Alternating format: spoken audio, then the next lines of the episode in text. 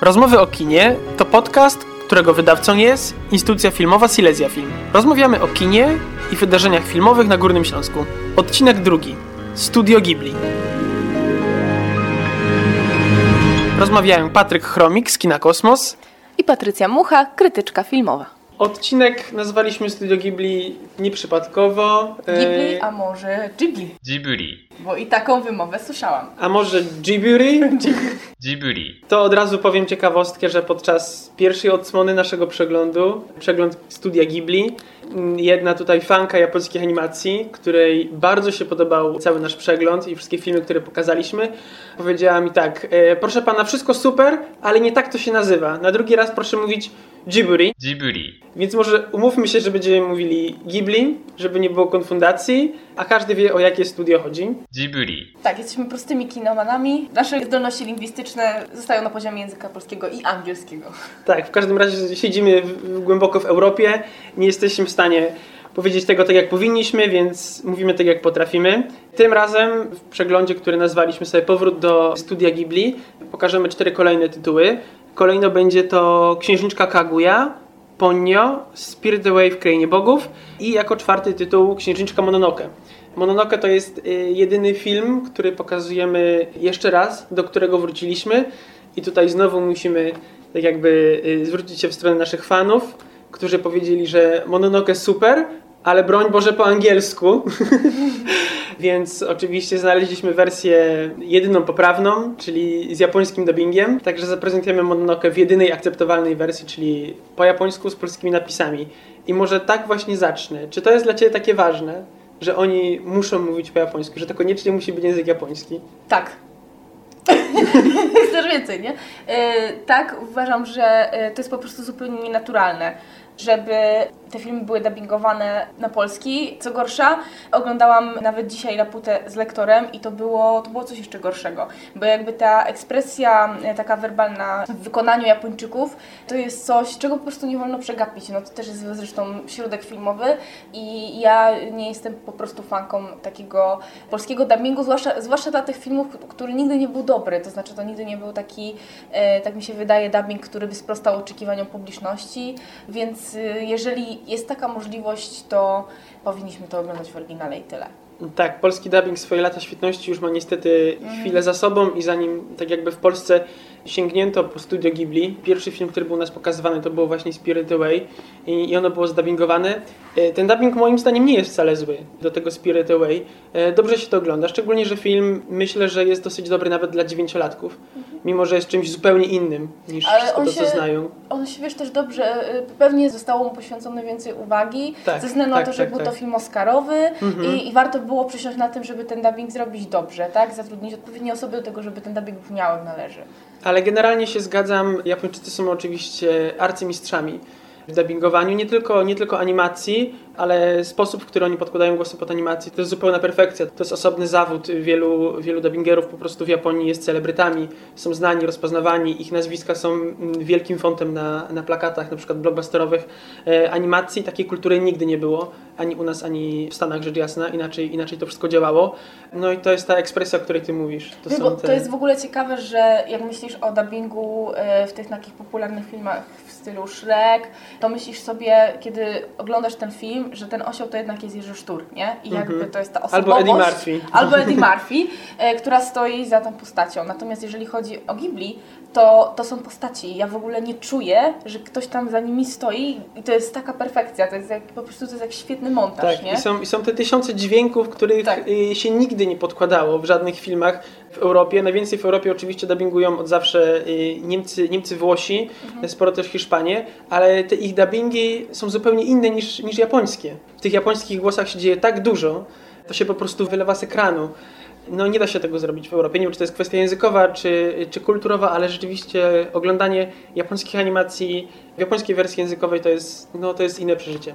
Przecież nawet jak się oglądało zwykłe Pokémony albo jakieś Digimony, to, to nawet w takich produkcjach po prostu telewizyjniakach to się po prostu chłonęło z, wyłącznie z tymi właśnie dźwiękami, e, tak. kiedy się pojawia ta łezka obok, na przykład takiego zażenowania albo jakichś po prostu dziwnych dźwięków i onomatopei, czego po prostu nie ma w polskim dubbingu, który skupia się przede wszystkim na to, żeby te kwestie były wyłożone poprawnie w ogóle, ultra Mhm, poprawnie. mhm. nie? I żeby się zmieściły w czasie. I żeby się zmieściły Tak. w czasie, tak. I żeby były jak najbardziej zgrane z mm, ruchami na przykład postaci, tak? Czy Mhm, ust mhm. przede wszystkim. Tutaj mówiliśmy o, o Spirit Away i właśnie dubbing do Spirit Away w Stanach był, był taką bardzo dużą sprawą, ponieważ Disney zlecił to tej osobie, która w ogóle pokazała Ghibli światu anglojęzycznemu. To był John Lasseter, czyli twórca Pixara. On był wielkim fanem Miyazakiego, śledził tak jakby jego twórczość od samego początku, yy, od Nausicaa, która nie była dostępna w ogóle w Stanach, ani, ani na DVD, w ogóle to nie wychodziły te filmy, nie znało się Miyazakiego zupełnie. Kiedy tak jakby powstawało Spirit Away, Lasseter już znacznie wcześniej wiedział, jaki to będzie film, jaki to będzie hit. Yy, Namawiał Disneya, żeby zajął się dystrybucją. Yy, Podpisali zresztą taką, taką dosyć poważną umowę, która na całe lata dała Disneyowi prawa do dystrybucji filmów Ghibli w Stanach. I Lasseter objął pieczę właśnie nad tym projektem i to był taki naprawdę, naprawdę duży dubbing, przy którym pracowało mnóstwo osób. Byli też zatrudnieni specjaliści od, od kultury japońskiej, od języka japońskiego, ludzie, którzy próbowali zrobić ten dubbing tak wiernym, jak to jest tylko możliwe, ale jednocześnie zrozumianym przez, przez amerykańskie dzieci. No opłaciło się to oczywiście, ponieważ Spirit Away było hitem w amerykańskich kinach, później też w polskich, e, no i przyniosło jednak temu Ghibli Oscara. To jest w ogóle ciekawy trop. Dwie rzeczy tu w tym, co powiedziałeś, są dla mnie jakieś super ważne, czyli po pierwsze postać Lassetera, który jest absolutnie kluczowy dla tej e, mainstreamowej animacji, e, zarówno amerykańskiej, takiej sensu stricto, jak i właśnie tego odnajdywania dla amerykańskiego filmu pewnych e, wzorców, które jest warto naśladować. Przecież większość tych animacji disneyowskich już teraz w połączeniu z Pixarem, wcześniej samego Pixara, to jest jego zasługa. Tak. A druga rzecz powiedziałeś o tym, jak dobrze przeczuł falę popularności studia Ghibli i jak to się może spodobać w Stanach Zjednoczonych. No i to jest oczywiście ciekawe, bo te filmy studia Ghibli, one nigdy nie były wolne od tych amerykańskich wpływów. To jest ciekawe, jak się to ogląda. Może czasami się nie zwraca na to uwagi, ale jak się o tym wie, to widać, jakie są czasami skrajności w estetyce. Tak, tak, To tak. jest- To u Ghibli od zawsze było. Mhm. No, więc- Łączenie skrajnych zupełnie stylów. Tak, i jest dużo z tej amerykańskości. Jest dużo z tej amerykańskości, też z tej amerykańskiej kreski animowanej, nie? Tak, ale też jest na przykład dużo symboli katolickich, Mhm. które są oczywiście w Japonii odbierane jako orientalne. Tak. Jest też dużo kwestii na przykład takich, które tutaj kojarzymy na przykład z rewolucją przemysłową europejską, na przykład jak spojrzymy na y, dużo detali w ruchomym zamku Hauru, ale też w innych filmach, to jest tam nawet taka trochę nutka steampunkowa, cyberpunkowa momentami nawet też. Także jest to, jest to wybuchowa mieszanina. Mimo, że myślimy sobie styl Ghibli i dokładnie wiemy, tak jakby wszyscy mamy przed oczami to samo, to jest to, jest to bardzo wybuchowa mieszanina. Na podstawie Zamku Hauru to jest najlepiej chyba widoczne, kiedy mamy te sceny z główną bohaterką, które dzieją się na łąkach i w Tak. ogóle w naturze na przykład, po prostu na łonie natury i one są właśnie takie amerykańskie, w sensie Mhm, w swojej prezentacji, mhm, takie, em, że jest gru, dosyć gruba kreska, że generalnie brakuje y, światło cienia, y, wszystko jest bardzo jednolite, a potem na przykład... Bardzo dźwięki muzyki. Tak, tak, bardzo dźwięki muzyki. A potem jest nagle Hauru i jego dom, który Mhm, jest e, mhm. w ogóle jak z takiej po prostu kolorowanki na milion elementów do rysowania, którą by trzeba było po prostu kolorować przez dwa tygodnie, żeby zrobić to perfekcyjnie, nie? Tak. To samo było dzisiaj zresztą w tej Lapucie, którą oglądałam. Były momenty, gdzie rzeczywiście to wyglądało jak, w pewnym sensie oczywiście, estetycznie jak amerykański film i nagle wchodzimy w zupełnie, zupełnie inną estetykę. To są często też takie industrialne na przykład elementy, nie? Które Tak. takie zardzewiałe, Mhm. właśnie szkicowane jakby. I to jest ciekawe, co powiedziałeś, że oni to, że oni te na przykład symbole katolickie są uważane jako orientalne, bo akurat mam przed sobą książkę o Studiu Ghibli, która nie jest być może jakaś najlepsza, ale jedna rzecz, która się pojawiła w jednym z tekstów, bo to publikacja zbiorowa, to taki cytat Fernanda Braudela, który mówi wszystko, co w naszej cywilizacji uważane jest za typowo japońskie, pochodzi z zagranicy. E, że de facto e, nam się wydaje, że coś jest stricte japońskie i kojarzymy to zupełnie z, z tak zwanym Orientem, który lubimy też tak po prostu w Europie nazywać, a potem się okazuje, że, że no właśnie zupełnie nie, że to wcale nie jest japońskie, że to zupełnie nie jest Japonia. I to, to, to, to co japońskie zwykle tkwi gdzieś tam w, w głębi. Najbardziej może japońskim filmem z Ghibli jednak pozostaje Księżniczka Kaguya, który jest pierwszym tak jakby krokiem Ghibli w bok, bo tutaj też mówiliśmy o tym stylu Ghibli i od razu wiesz o, o jakiej kresce mowa. No więc pierwszy raz zdecydowano się właśnie na taki eksperyment formalny z Księżniczką Kaguya, która już wygląda zupełnie inaczej. I później drugi krok to był Czerwony Żółw. Gdzie przecież y, reżyser jest Europejczykiem, Holendrem. Kreska też się mocno różni. Nie ma tej ekspresji. historia jest de facto, e, powiedzmy sobie, uni uniwersalna. Tak. Wszyscy bohaterowie są zupełnie anonimowi, więc nie- no nie powiemy, czy to jest bardziej japońska, czy, czy, czy holenderska opowieść, ale podoba mi się, że po prostu studio, które no, nie musiałoby y, eksperymentować, nie, nie ma takiej potrzeby, jednak lubi czasem sięgnąć po coś innego, postawić za kamerą kogoś, kogoś zupełnie innego i pozwolić sobie na takie skoki w bok. Myślę, że może być ich więcej. No, Niestety Ghibli, w przeciwieństwie do Disneya, nie publikuje swoich planów do 2025 roku. Wiemy tylko, że czekamy na jeden film Hayao Miyazakiego, który być może już teraz się pojawi na festiwalu w Wenecji, no ale kolejne plany są nieznane. Zwykle to jest około dwóch filmów rocznie, przy czym jeden jest do takiej powiedzmy sobie szerokiej światowej widowni, jak na przykład Czerwony Żółw albo Zrywa się wiatr, a jeden film jest znacznie bardziej, nie chcę powiedzieć infantylny, bo to jest trochę krzywdzące, ale jednak Ghibli robi też trochę filmów dla dzieci. Jest film, którego tytuł mi wiecznie ucieka o szopach, jest też film o Rietcie i kilka tych filmów, do których się przylega czasem taka metka właśnie e, bajki dla dzieci E, i wśród nich jest też de facto Ponyo. Tak, ale to w ogóle ja uważam, że to jest y, coś po prostu chyba na granicy, no nie? Bo ym, ja ten film też obejrzałam całkiem niedawno i absolutnie jest wszystko to, co kojarzymy z, ty, z tymi najbardziej znanymi filmami Ghibli, ale jest też uderzenie w tą stronę, w którą uderzał też mój sąsiad Totoro.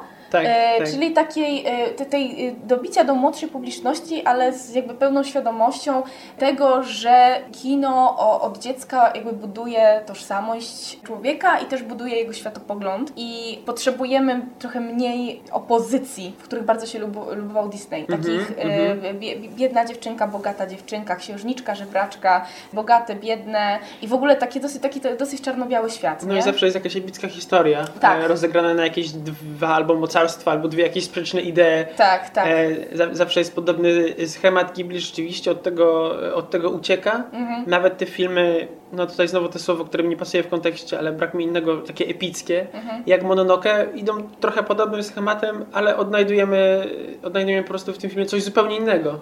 Chodzi właśnie o, o jakieś zupełnie inne kwestie, o, o jakąś, jakąś filozofię, o jakieś idee, które chcą przedstawić ci twórcy. Akceptowanie wiesz, tak, też takiego świata takim, jakim on jest, a nie Tak, nakładaniem tak, na, nie, tak, na tak, niego tak, pewnych tak. rzeczy, jakby akceptowaniem tego, że można czegoś nie wiedzieć albo że można czegoś nie rozumieć i uważać to za zupełnie naturalne. Tak jak w Ponio jest ta scena, w którym może chwilę trochę o Ponio zresztą, bo też będzie pokazywany Mhm. na przeglądzie. Jest to też taka historia o chłopcu, który znajduje złotą rybkę i ta złota rybka chce się stać przez to spotkanie z tym chłopcem człowiekiem, chce się stać dziewczynką. Mhm.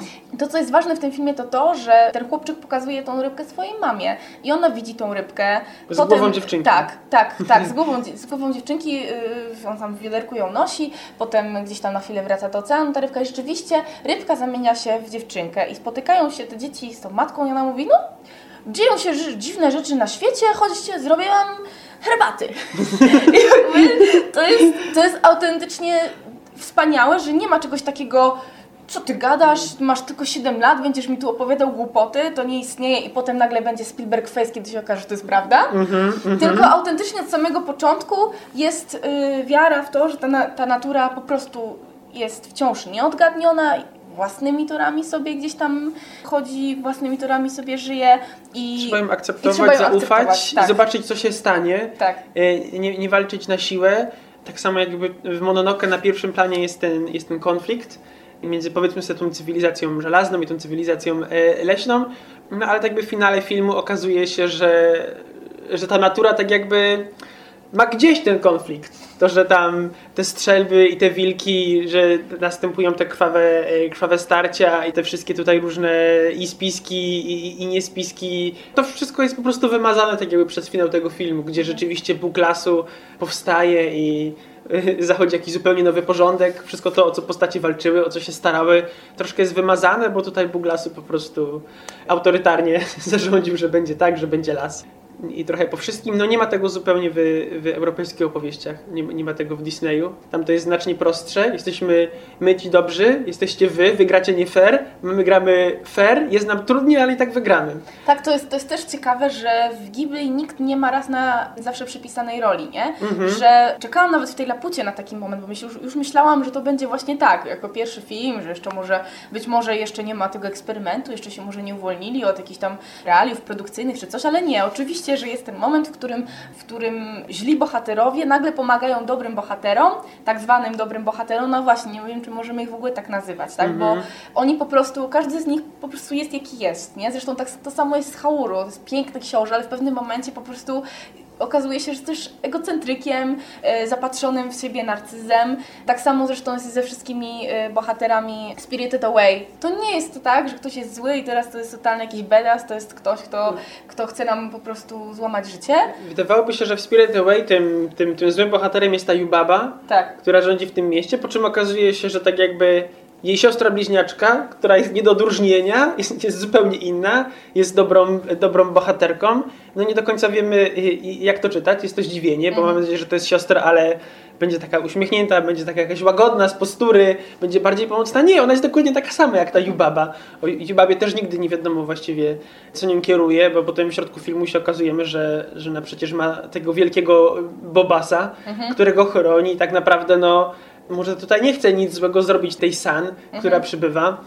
Richichiro, która staje, która staje się San właśnie w tej krainie bogów, tylko chce chronić tego Bobasa i takiego chronić swoje interesy, a to, że się tutaj napatoczyła jakaś Chichiro, no to jest inna sprawa. No to potem fabuła filmu tak, tak przebiega, że rzeczywiście ta Chichiro stoi w takiej silnej opozycji do tej Yubaby i jest ten konflikt, ale, ale równie dobrze mogłoby tego konfliktu Nie e, być. konfliktu nie być. Zresztą tak.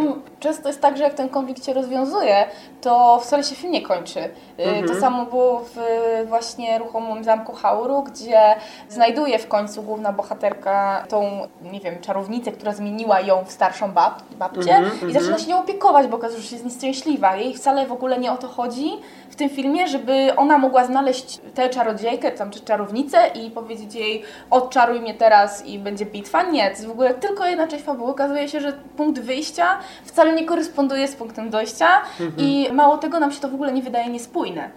To jest Tak, w ogóle tak, tak. ten świat, który się chłon- chłonie jakoś tak holistycznie, całościowo, nie ma w nim tego podporządkowania przyczynie i skutkowi, Mhm, y, a jednocześnie nie czujemy w ogóle, że właśnie to jest jakieś niewłaściwe. Może tutaj tą siłą napędową właśnie w Ghibli, a być może też w ogóle trochę w kinie japońskim nie jest żadne dążenie do triumfu dobra, tylko jest tak jakby zrozumienie drugiej racji i znalezienie jakiejś równowagi. No to oczywiście tutaj, tak jak mówimy, cały czas wracamy porównawczo do tych właśnie e, animacji europejskich albo amerykańskich, tam, tam tego nie ma.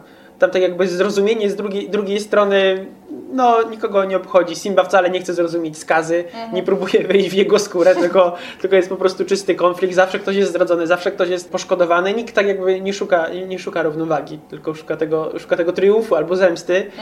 A tam jednak jest, jest dążenie do tej równowagi. Myślę, że w ogóle w kinie japońskim czasem idzie to zupełnie inaczej niż w naszym kinie. Mimo, że wielcy twórcy kina japońskiego wzorowali się na europejskim. I w ogóle kina azjatyckiego zawsze mówią po prostu o, o kinie europejskim jako tym ich wzorcu. To nie da się uciec do tego, że to, jest, że to jest inna kultura, że to jest też trochę inna filozofia życia, też trochę inne problemy, z którymi się tak jakby mieszkańcy Dalekiego Wschodu spotykali, spotykają na co dzień. I też to kino musi wyglądać inaczej i musi czegoś innego też uczyć ten najmłodsze pokolenie. Ja y, sobie nie wyobrażam, wiesz, żeby był jakiś e, Japończyk urodzony w, w, w kulturze japońskiej, żyjący tam zupełnie na miejscu, który byłby w stanie zrobić film autentycznie europejski. On może, taki twórca, czerpać z estetyki, może czerpać z różnych wypracowanych w Europie metod twórczych, metod pracy z aktorem, bardzo wielu różnych rzeczy, ale ostatecznie jakby w strukturze głębokiej, gdzieś tam może to jest brzydkie słowo, ale i, i zbyt naukowe, ale głęboko, głęboko gdzieś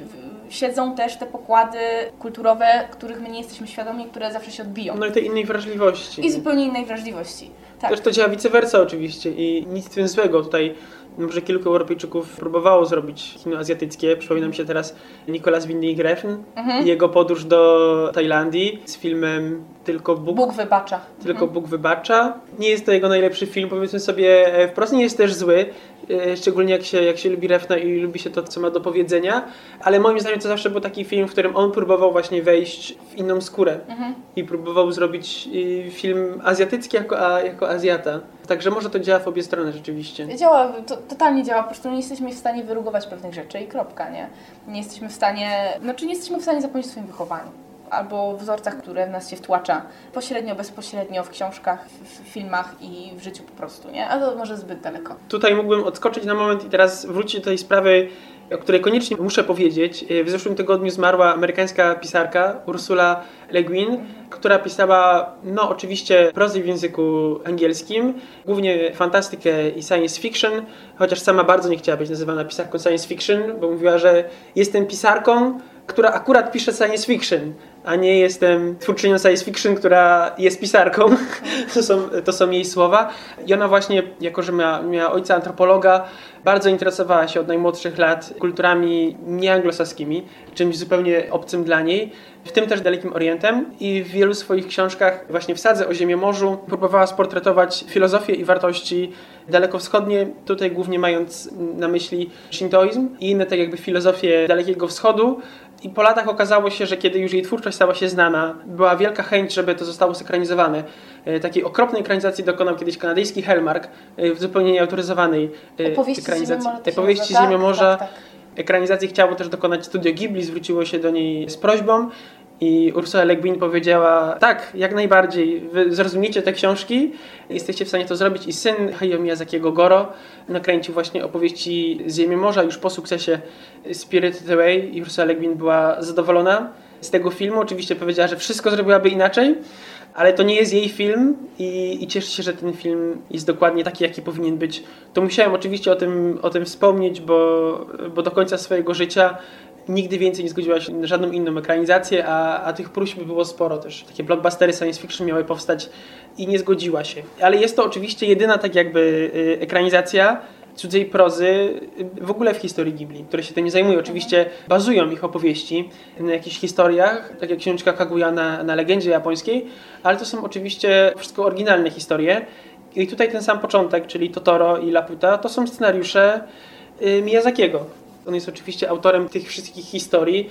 Pracował wcześniej też przy innych y, filmach anime. Tam nie do końca zawsze miał wolną rękę. Dopiero przy swoim pierwszym filmie pełnometrażowym Nausicaa mógł tak jakby całą swoją wizję przedstawić i zrobić coś zupełnie po swojemu, od A do Z, rozpisać cały, no blockbusterowy powiedzmy sobie film, epickie i widowiskowe kino. Dopiero potem odważył się współtworzyć Studio Ghibli, żeby kręcić dalej takie animacje, ale trzeba przyznać, że miał, że miał mnóstwo szczęścia, bo żeby otworzyć studio animacji, żeby mieć pieniądze na duże animacji, trzeba po prostu albo mieć mnóstwo szczęścia, e, albo być dogadanym na przykład z Disneyem. To nie jest takie łatwe, a oni mają ten plus, że mają wolną rękę, że, że Miyazaki cały czas tak jakby też finansowo pozostaje niezależny i mogą robić naprawdę eksperymentalne rzeczy, nie patrząc na nic innego. Oczywiście teraz w Japonii się bardziej naśladuje Ghibli, niż Ghibli miałoby, miałoby się odsuwać do mainstreamu. Nie, nie, to, to Ghibli stało się mainstreamem, ale to jest niesamowite, że naprawdę udało im się, mu i współpracownikom stworzyć swoje własne studio,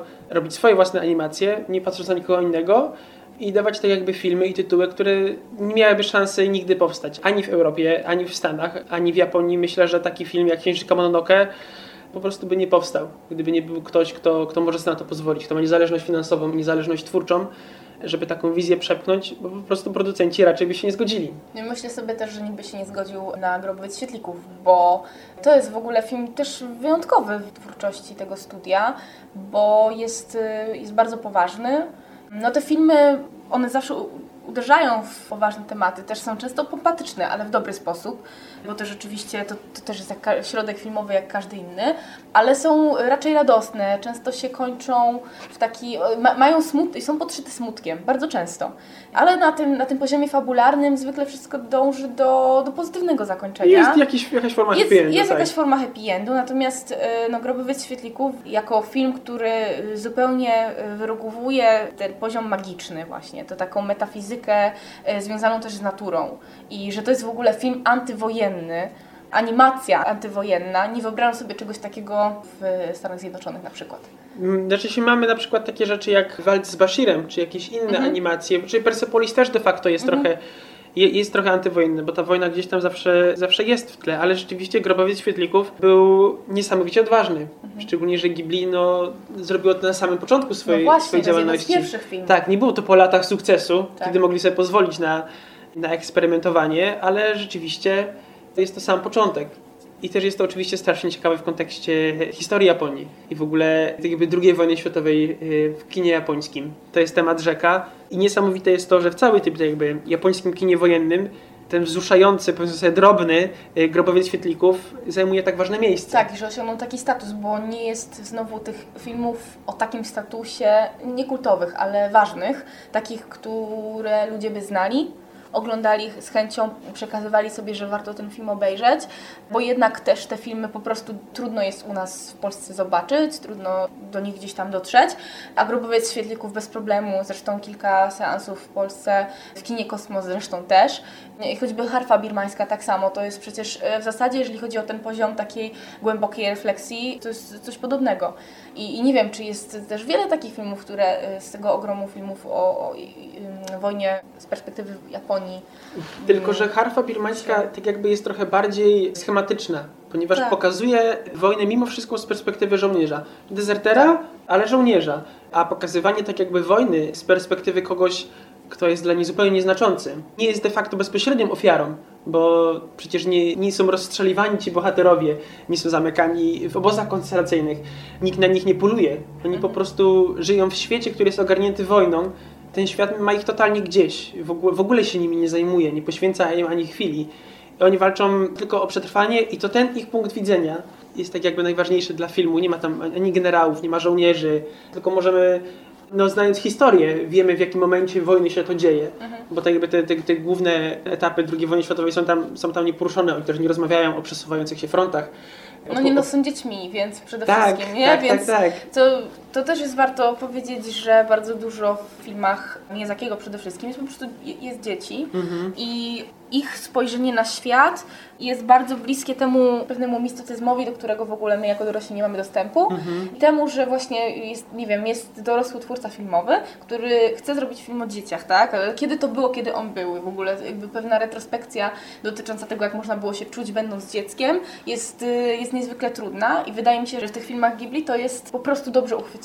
To jest, jest blisko tego, albo my czujemy, że to jest gdzieś tam prawdziwe, to jest brzydkie słowo, prawdziwe, autentyczne, ale że, że jesteśmy blisko tego, że czujemy to, że to nie jest przekłamane, że to nie jest jakieś, jakaś nasza wizja dziecka z perspektywy, nie wiem, 30, 40 czy 70-letniego człowieka, tylko to jest rzeczywiście jakieś takie poruszające, potrafimy się w, z, z tymi dzieciakami zidentyfikować. No i gdzieś tam bardzo ważne jest w tym kontekście to połączenie dzieci z naturą, to znaczy, że to one tak naprawdę tę naturę rozumieją najlepiej.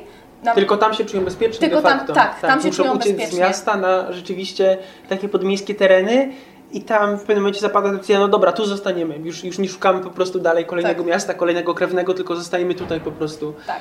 Dzieciaki się tej natury też nie boją, Mhm. nie racjonalizują jej, przyjmują ją właśnie taką, jaką jest, Mhm. nie y, ustawiają jej w pozycji do kultury. Tam zresztą w ogóle tego jest bardzo mało. Widzą więcej w tej naturze, zresztą tak jak właśnie jedna z głównych bohaterek mojego sąsiada Totoro, która po prostu jako jedna z nielicznych widzi Totoro, Mhm, bo jest y, mała, jest dzieckiem i Totoro się ujawnia tylko dzieciom, nie? To jest taka dosyć prosta Mhm, y, d- metafora, ale jednak. Tamten świat dziecięcy tak jakby też jest o tyle niesamowity, że, że to rodzeństwo po prostu ma tak jakby swój język, ma też tak jakby swój świat, rozmawia o jakichś wspólnych przeżyciach, posługują się też jakimiś y, wspólnymi terminami i widz tak jakby troszkę wpada na głęboką wodę, a troszkę uczy się tego świata, uczy się tak jakby tych relacji, tego jak oni pojmują wojnę, pojmują właśnie swoją sytuację. Nie ma tam nikogo więcej. Nie ma żadnego, żadnego innego bohatera, czy nie pojawiają się tam jakieś postaci drugieplanowe, ale cały czas jesteśmy tak jakby z tą dwójką bohaterów i znamy tylko ich punkt widzenia. Uczymy się tak jakby tego ich świata, dlatego potem ta tragedia, która narasta, dotyka nas tak bardzo, bo nie widzimy tak jakby bohaterów, którym się udało, którym, się, którym się powiodło. Nie ma tam w tym filmie żadnych szczęściarzy, czyli no domyślamy się, że nie wszystkie wioski zostały zbombardowane, nie wszystkich spotkało tak tragiczne wydarzenia, ale wszystkie postaci, które poznaliśmy w filmie, no niestety poznają okrucieństwo wojenne z tej, z tej najgorszej strony I to z tej strony, którą się niestety w kinie najrzadziej pokazuje. Mhm. To są po prostu, to są po prostu cywile, którzy do końca nie wiedzą kto z kim i o co walczy. Niespecjalnie ich to też interesuje, tylko są w samym środku tak jakby tego starcia mocarstw. No i cierpią bardziej niż ktokolwiek inny de facto. Udało się to Ghibli zrobić i brawa im za to. Wystaje mocno tak jakby ponad filmografię studia Ghibli ten jeden film. Też nie tylko dlatego, że na, na początku wszystkie de facto filmy kręcił Miyazaki, tego jednego nie, ale de facto Ghibli już potem nie miało odwagi sięgnąć po taki film. Miyazaki zrealizował co prawda Zrywa się wiatr kilka lat temu. Może troszkę też film wojenny w zamyśle, też historia dziejąca się troszkę w podobnym okresie, ale de facto film całkowicie inny, kierowany zupełnie inną podstawą, tak jakby zbudowany na zupełnie innych środkach też zupełnie innym metrażem, bo ten film się ciągnie i ciągnie de facto, a Grobowiec Świetlików po prostu czas nie biegnie, jak oglądamy ten film. Także nie udało mi się do tego wrócić. Być może jeszcze kiedyś będzie ktoś, kto, kto w Ghibli stwierdzi, że, że odważy się zrobić kino historyczne. Jeszcze parę lat temu, chwilkę przed Zrywa się wiatr, sięgnęli do takiego filmu, którego niestety też w Polsce na ekranach kin nie widzieliśmy, Makowe Wzgórze. To jest też powiedzmy sobie kino historyczne, ale nie dzieje się podczas II wojny światowej, tylko chwilę później. Nie ma też żadnej wielkiej historii w tle. No niestety film nie jest u nas y, znany zupełnie. Też nie opowiada w ogóle historii ani science fiction, ani fantastycznej, z czym Ghibli jest cały czas przecież kojarzone. Tylko taki, no powiedzmy sobie, zwykły dramat obyczajowy, którego tam bohaterami są uczniowie, po- powiedzielibyśmy gimnazjum. No w Stanach też ten film nie zrobił wielkiej kariery. Myślę, że Amerykanie i chyba troszkę Europejczycy też cały czas liczą na powrót takiego bardzo widowiskowego kina.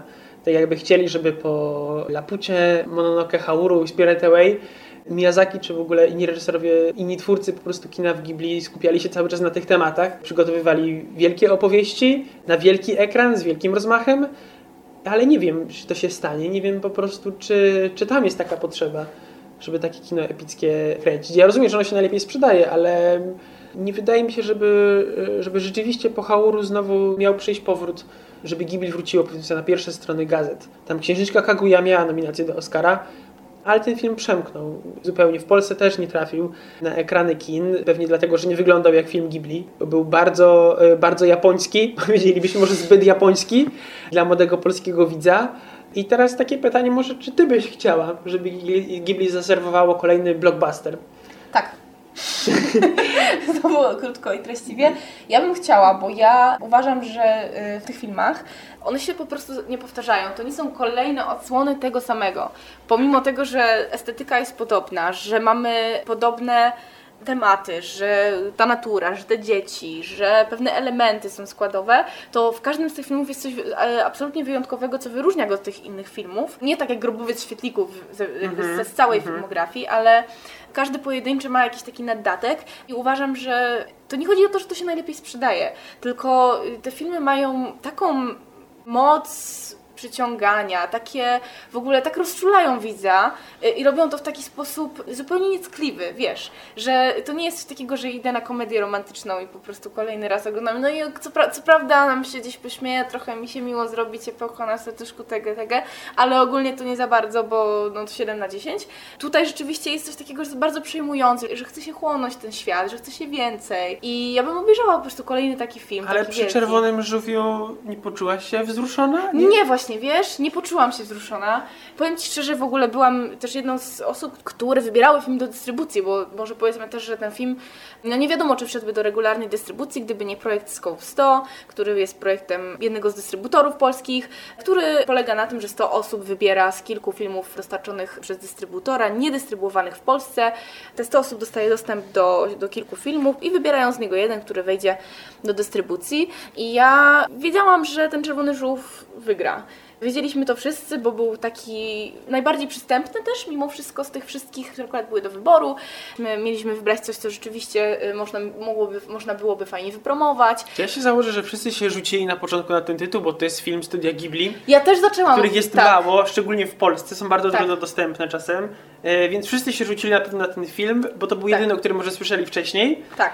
E, Albo jeden, jeden, jeden z kilku i na pewno jedyny, o którym każdy mógł powiedzieć, a to jest film studia Ghibli, czyli wiem, z czym się to będzie Tak. jadło. to od tego zacznę. Ja też zaczęłam w ogóle swoją przygodę wtedy ze Scope z e, obejrzeniem Czerwonego Żółwia.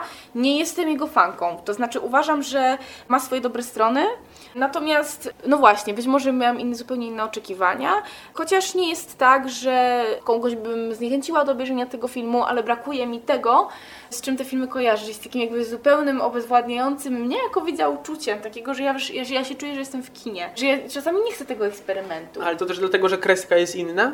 Nie, dlatego, że nie ma tej ekspresji werbalnej. Że ja czuję to pośrednictwo europejskiego twórcy takie bardzo, bardzo mocne, tak? Bo tam, bo film jest y, bez dialogów. Tak. Jest zbyt czasami uproszczony w tym swoim uniwersalizmie.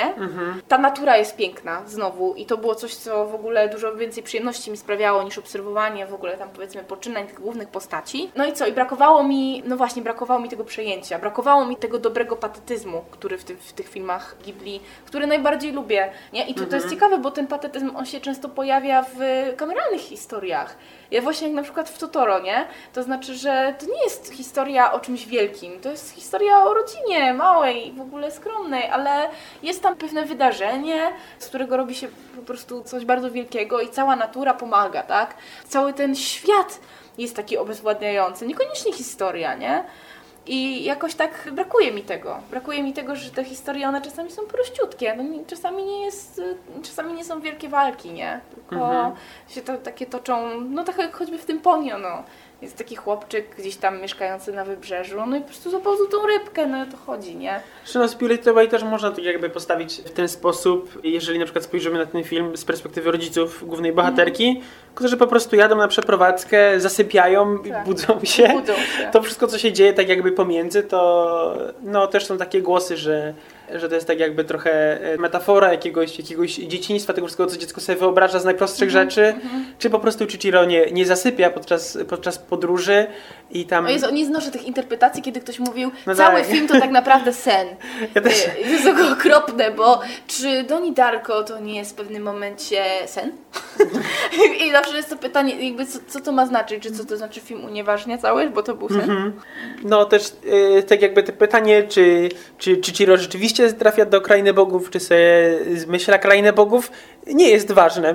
Nie, bo w też ogóle w ktoś europejskim to- filmie by to było Tak. ważne. Tak, nie wiem, ktoś, kto zadaje te pytanie, to po prostu jest w ogóle absolutnie niedostosowany do tego, żeby te filmy oglądać. Tak, bo może w europejskim filmie to rzeczywiście byłoby, byłoby ważne, może nawet reżyser zadałby sobie takie pytanie, ale myślę, że akurat konkretnie, nawet powiedzmy y, w Spirit Away, to nie, nie, ma żadnego, nie ma żadnego znaczenia. W ogóle nie powinno powstać takie pytanie. O, Ale czymś wiele w ogóle wiesz, film. ale o bardzo wielu pytaniach, które się nasuwają w kontekście różnych filmów, nie możemy mówić przy okazji e, studia Ghibli, ale w ogóle też japońskiego kina, chociaż to jest brzydko tak mówić japońskie kino, bo to jakby było moloch i w ogóle można było je określić jakimiś trzema słowami, więc może trzymajmy się tego Ghibli, że pewne pytania, które właśnie zadalibyśmy, ale na przykład gdzie poszedł ten bohater?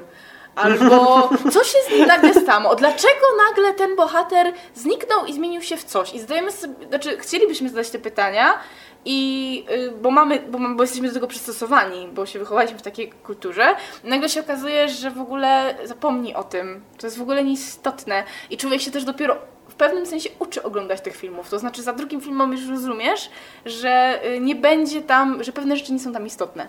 Tak dążąc ku końcowi, warto zaprosić widzów Kina Kosmos i w ogóle wszystkich y, widzów Katowic, Śląska, kto tutaj ma ochotę w ogóle wpaść z, zewsząd na wszystkie filmy, które na tym przeglądzie będzie można obejrzeć. I chętnie zaczniemy od księżniczki Kagui, która mm, jako pierwsza zostanie wyświetlona już 3 lutego. Potem 8 lutego właśnie to Ponio, o którym tyle rozmawialiśmy. Następnie 15 lutego Spirited Away w Krainie Bogów i y, przegląd zakończy projekcję księżniczki Mononoke 17 lutego. I oczywiście również w ramach tego przeglądu będzie można zobaczyć animacje nominowane do Oscarów. W całości w cyklu, który nazywa się oczywiście e, Animacja bez tajemnic. Oczywiście.